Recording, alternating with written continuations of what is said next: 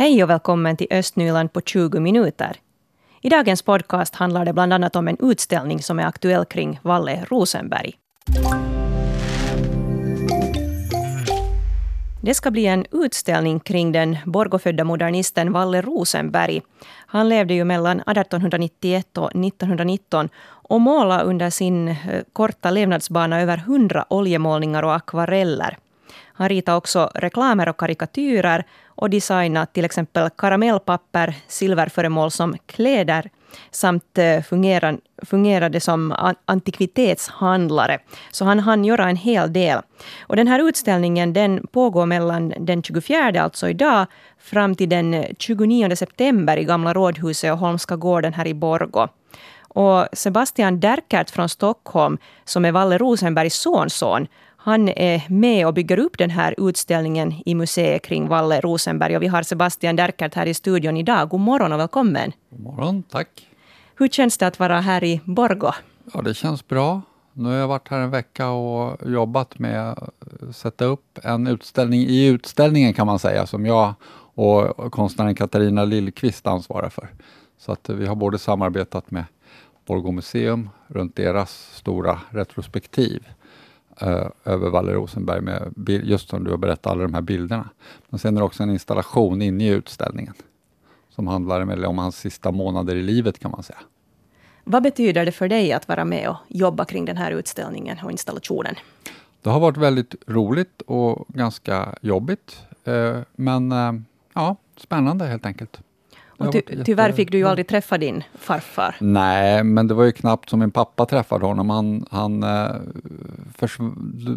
dog ju när min pappa bara var fyra år. Så att, eh, nej, det, var, det, det fanns inte en chans. Mm. Hur engagerad har du varit i hans konst här under din livstid? Ja, det är fantastiskt att se den här utställningen därför att eh, mycket av måleriet har jag inte sett. Jag har sett dåliga reproduktioner och så. Och jag kan verkligen rekommendera, oljemålning ska man helst se original så att säga på väggen. Och det är jättefint hängt och jättefina grejer. Så det kan jag, det, passa på att gå och titta, det är ju inte så ofta. Och det är kul med en retrospektiv också när man har hela verk hela vägen liksom, av en konstnär. Så att det blir, man ser hela konstnärskapet. Ja. Sen var det så att han dog ju så förskräckligt tidigt och sex år var han inte hemma i Finland de sista sex åren av sitt liv. Medan han var 22 och 28. Och eh, alla de här eh, bilderna som han gjorde under den tiden, de är försvunna. Okay. De lämnade han i Italien och Paris, så att de, eh, ingen vet var de är. Och därför vet man inte vilken konstnär han hade blivit, eller vilken konstnär han blev egentligen. Men man kan ju se här att redan när han är så här ung, 22, så är han på väg ja. att bli en stor konstnär. Vad var det som gjorde att han sen blev en, en stor konstnär? Vad tror du det, det var med hans konst? Jag vet inte, han kom ju från en familj av hantverkare. Hans systrar var ju, blev ju hattmodister och alla var ju intresserade av liksom eh, form och skapande och så kan man förstå. Han hade tre systrar och hans pappa var snickare. De var ju en familj här som bodde i ett litet, litet hus på toppen utav berget bakom kyrkan. Det var ju, jag var titta på det huset, det är väldigt litet. Sju personer en liten koja kan man säga. Och äh, äh, ja, men ja, de, det där är jag vet faktiskt inte. Ja. Vi ska fortsätta tala här med Sebastian Derkert efter Darin med låten Hög. Sebastian Derkert, hur unik blir den här utställningen som man får se här i Borgå? Jag vet inte om den är unik egentligen. Men just att göra en sån här stor retrospektiv kan man inte göra så ofta för det är ett sånt jäkla jobb och, man ska låna så mycket saker. Så att, passa på att gå och titta nu. Det kanske tar 20 år innan nästa kommer. Det är tips, tycker jag. Och gå och kolla på utställningen, den är jättebra. Sen eh, mm, det som jag och Katarina Lillqvist har gjort, installationen, det bygger på, det var så att eh, min farmor Siri och Valle, de träffades i Paris 1914 när de var väldigt unga båda två konstnärer. Och sen eh, så blev Siri med barn och eh, min far föddes i Italien. Och eh, efter två år kan man säga, 1916 på sommaren, då åkte Siri hem till Sverige för pengarna var slut. Då. Men kriget pågick så han kunde inte, Valle kunde inte åka hem. Han fastnade i Paris, men han började skriva brev till min farmor. Och sen skrev han brev under flera år.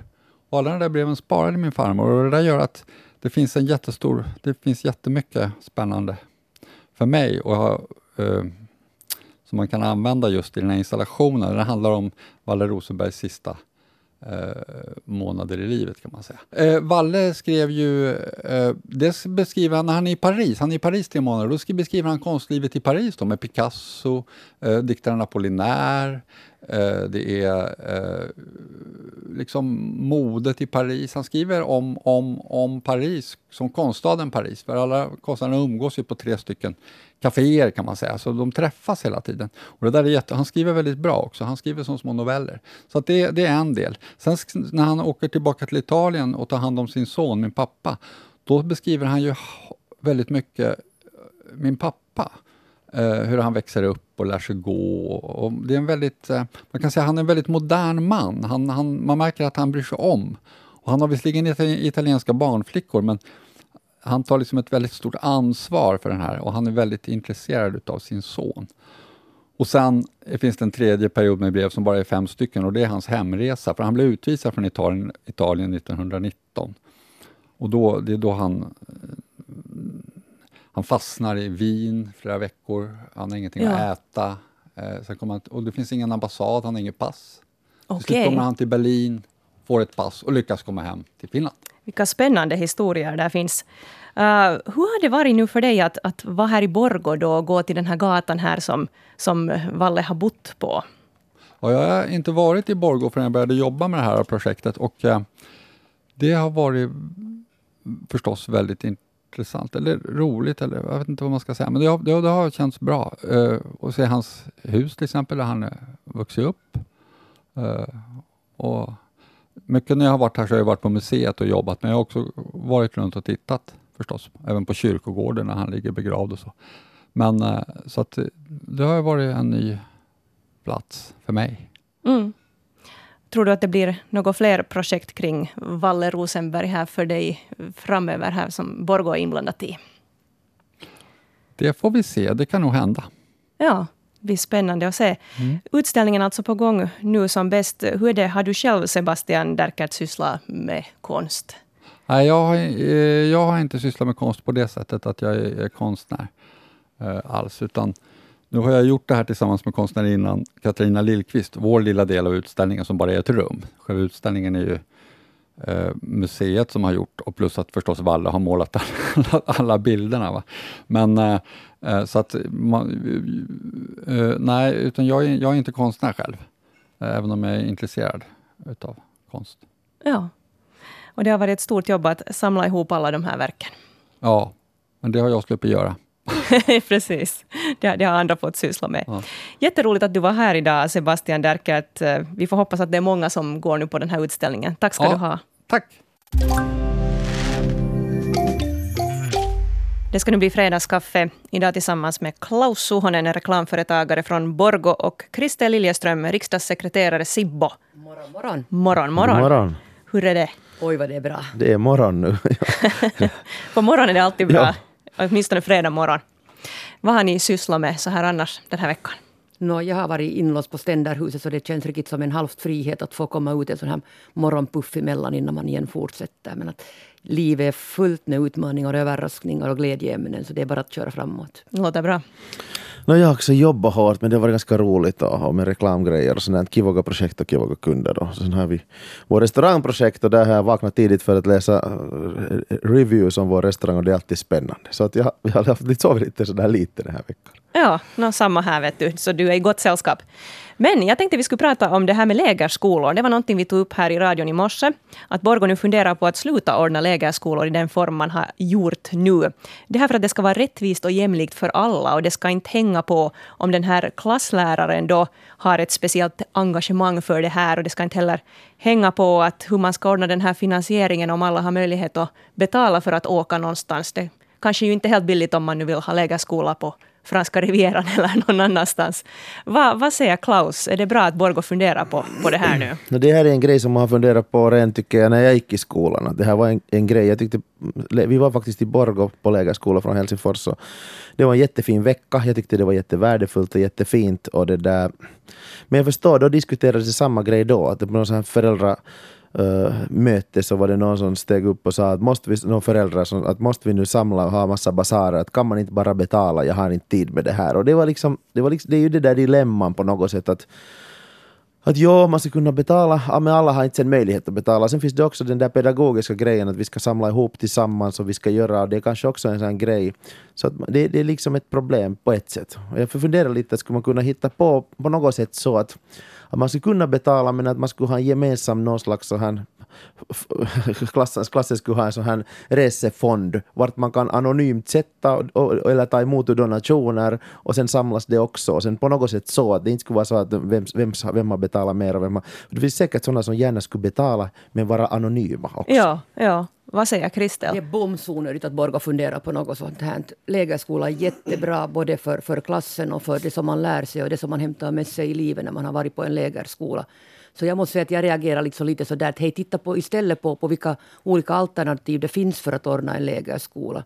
Att, eh, som, som Klaus sa, man behöver inte fara till franska rivieran de facto, utan man kan fara till ett närliggande ställe. Man behöver inte vara på alla söndagar på några kyrkobasarer och sälja kakor, utan man kan också göra från skolan, fara med 4H, plantera träd och få en, få en peng och göra det på skoltid. Det finns massor av, av olika alternativ på hur det där kan göras det som det kräver är förstås en lite engagerad lärare. Mm. Och finns det inte engagerad lärare så krävs det engagerade föräldrar. Och allt det här tycker jag till, till godo för skolsamhället och för barnen. Att vi engagerar också föräldrarna med i den här verksamheten. Alla föräldrar behöver inte engagera sig till 110 procent men de som är intresserade så, så låt dem köra det. Och medan det nu håller på och pasar här så, så det här också med att, att det ska vara rättvist och jämlikt för alla pytsan heller. Jag menar, en del skolor far till stafettkarnevalen och ordnar det på olika talkor eller ordnar det på olika sätt och andra skolor och andra klasser far inte. Ja. Samma sak med lägerskola. En del sko skolor far på lägerskola en natt och andra far inte. Och andra far två nätter och tredje far inte. Så här är det. Ja. Det är fråga om föräldraaktivitet och det är fråga om hur det passar för just den klassen. Jo, kör lägerskola hårt bara. Mm. Ska vi acceptera, Klaus, att världen är inte alltid rättvis? No, man måste kolla på vilken nivå. Att jag förstår det där att en del, eh, en del skolor reser längre bort och en del inte. Men det ska kännas liksom rättvist inom klassen. Det tycker jag är liksom viktigt. Absolut. Och det måste man fundera att hur gör man det? Att det inte känns... Och det är ju alltid... Världen är inte rättvis, men, men jag tycker i alla fall att man ska sträva efter att försöka göra den rättvis. Jag har fyra barn som alla har varit på lägerskola. Och det här med rättviseaspekten har vi nog absolut inte känt av. Vi har inte Kanske det beror på också lite vilken sammanhållning och vilken attityd föräldrarna och läraren i fråga har. Men inte har vi aldrig räknat efter att hej, nu har du inte betalat den där 50 euro på den här månadsavgiften. Utan de som har möjlighet betalar, de som har möjlighet att sälja kex sälja kex, de som har något annat gör något annat och alla pengar som kommer in fördelas kristligt och jämnt på alla elever. Inte, kikar vi snett på, på de föräldrar eller på de barn som inte har lämnat in e- e- x euro eller sålt x antal kakburkar. Utan det här är ett projekt som man gör tillsammans och alla gör den inputen man har möjlighet att göra och alla är glada. Sådana här tankar alltså om lägerskolor. Vi ska fortsätta snart med Klaus Suhonen och Kristel Liljeström här i Fredagskaffe. Vi fortsätter Fredagskaffe tillsammans med Kristel Liljeström från Sibbo och Klaus Suhonen från Borgo. Vi har den här veckan talat om att Lovisa nu ska börja utreda hur mycket arbetstid tjänstemännen egentligen sätter på att svara på olika klagomål och besvär. Uppenbarligen så är Lovisaborna väldigt aktiva och frågar saker och begär ut handlingar. Annars lite så här besvärliga, Kristel, så alltså att de måste lite arbeta där i Lovisa. Va, vad säger du om det här? Ja, det här är igen en tur att det är ett program där man får tycka. Mm. jag försökte hitta fram lite fakta kring det här och det hittar jag ju inte. Det, finns, det här ärendet har kommit upp som ett övrigt ärende och vi vet ju att Lovisa annars också har fått kritik för att många ärenden bara dyker upp på styrelsens bord utan liksom att vara på det sättet förberedda och möjlighet att diskutera internt innan och sånt här. Och det här var då ett av de besluten då igen som dök upp och ploppade upp. Så jag hittar liksom inte faktagrunden för det här. Skulle min kommun uh, få massor med förfrågningar och och, och sånt här så skulle jag vara jätteglad över att, att invånarna aktiverar sig. Och de facto så får vi också. Och, och det hör nog till var och ens tjänstemans arbetstid att, att bara och, och, ge svar till, till kommuninvånare. Så jag börjar fundera att kanske det inte är det det är fråga om, utan kanske det är fråga om att de vill ha mera utredningar eller, eller liksom på det sättet arbetsdrygare saker. Men egentligen så är det ju också bra samtidigt som det visar på att kanske då Lovisa inte är tillräckligt öppen i sin beredning. Att, att folk skulle själv kunna plocka fram de här materialet som de frågar efter och, och bakgrundsfakta till olika beslut och sånt här. Så jag vet inte riktigt vad jag ska tycka när jag inte har fått reda på fakta, men, men jag tycker att kommuninvånaren har rätt att få den information den behöver. Mm. Och det som de ju funderar på nu här är att om det behövs en till anställd kanske i staden som sköter då de här svaren till kommuninvånarna så att man kan fortsätta jobba då de andra sen med andra frågor och den här personen kanske hjälper till med att svara på grejer. Vad tycker Klaus om det här?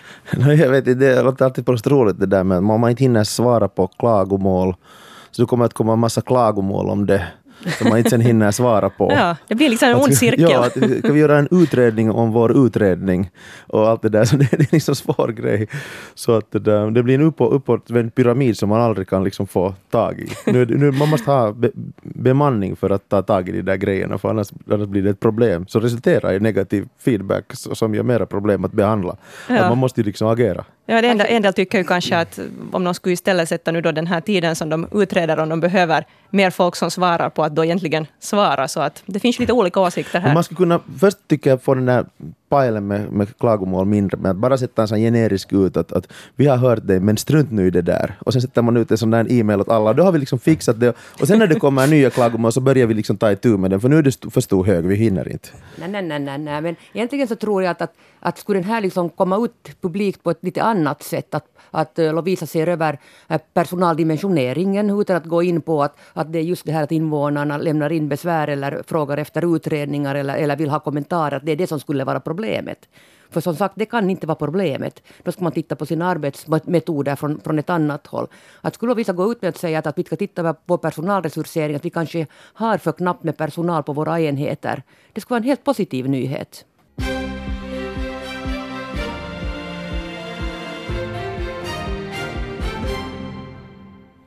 Klockan är halv åtta och det är dags för de östnyländska nyheterna. Jag heter Helena von Oftan. God morgon. Sibbo har planer på att anställa en företagskoordinator. Det här eftersom det behövs tillräckligt med personal för att kunna utveckla näringslivet i kommunen. Förutom näringschefen behöver Sibbo en företagskoordinator som ska ha kontakt med företag, marknadsföra Sibbo som kommun och utveckla turismen i Sibbo. Näringssektionen ska behandla den här frågan på måndag. En kultursedel skulle ge Borgåborna chans att njuta av stadens kulturutbud. Det föreslår Bodil Lund från SFP att man ska införa. I en fullmäktige motion föreslog hon att Borgå stad ska införa en kultursedel som ska ge Borgåborna möjlighet att under ett års tid göra tre besök på utställningar, konserter, teater eller dansföreställningar. Och Lund har också ett förslag på vad sedeln kunde heta, Kulturtrean. Fjolårets inbrottshärva i Sibbo har varit uppe i tingsrätten. Det var fråga om sju unga män som åtalades för en lång rad brott i Sibbo, Borgå och Mörskom.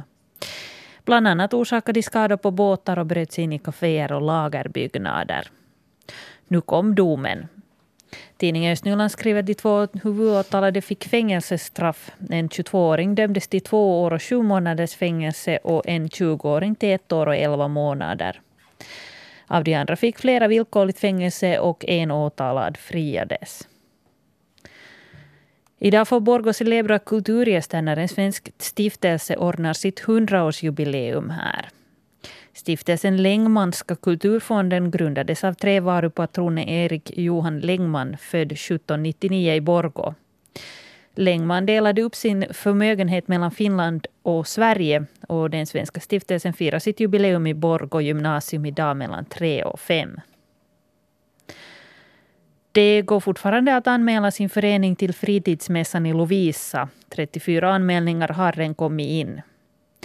Mässan ordnas i idrottshallen i Lovisa i augusti och anmälningstiden går ut den 7 juni.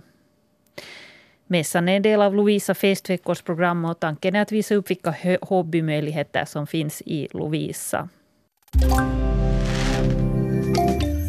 Östnyland på 20 minuter är en Svenska Yle-podcast. Det finns flera poddar på arenan. Jag heter Katarina Lind. Tack så mycket för sällskapet. Vi hörs.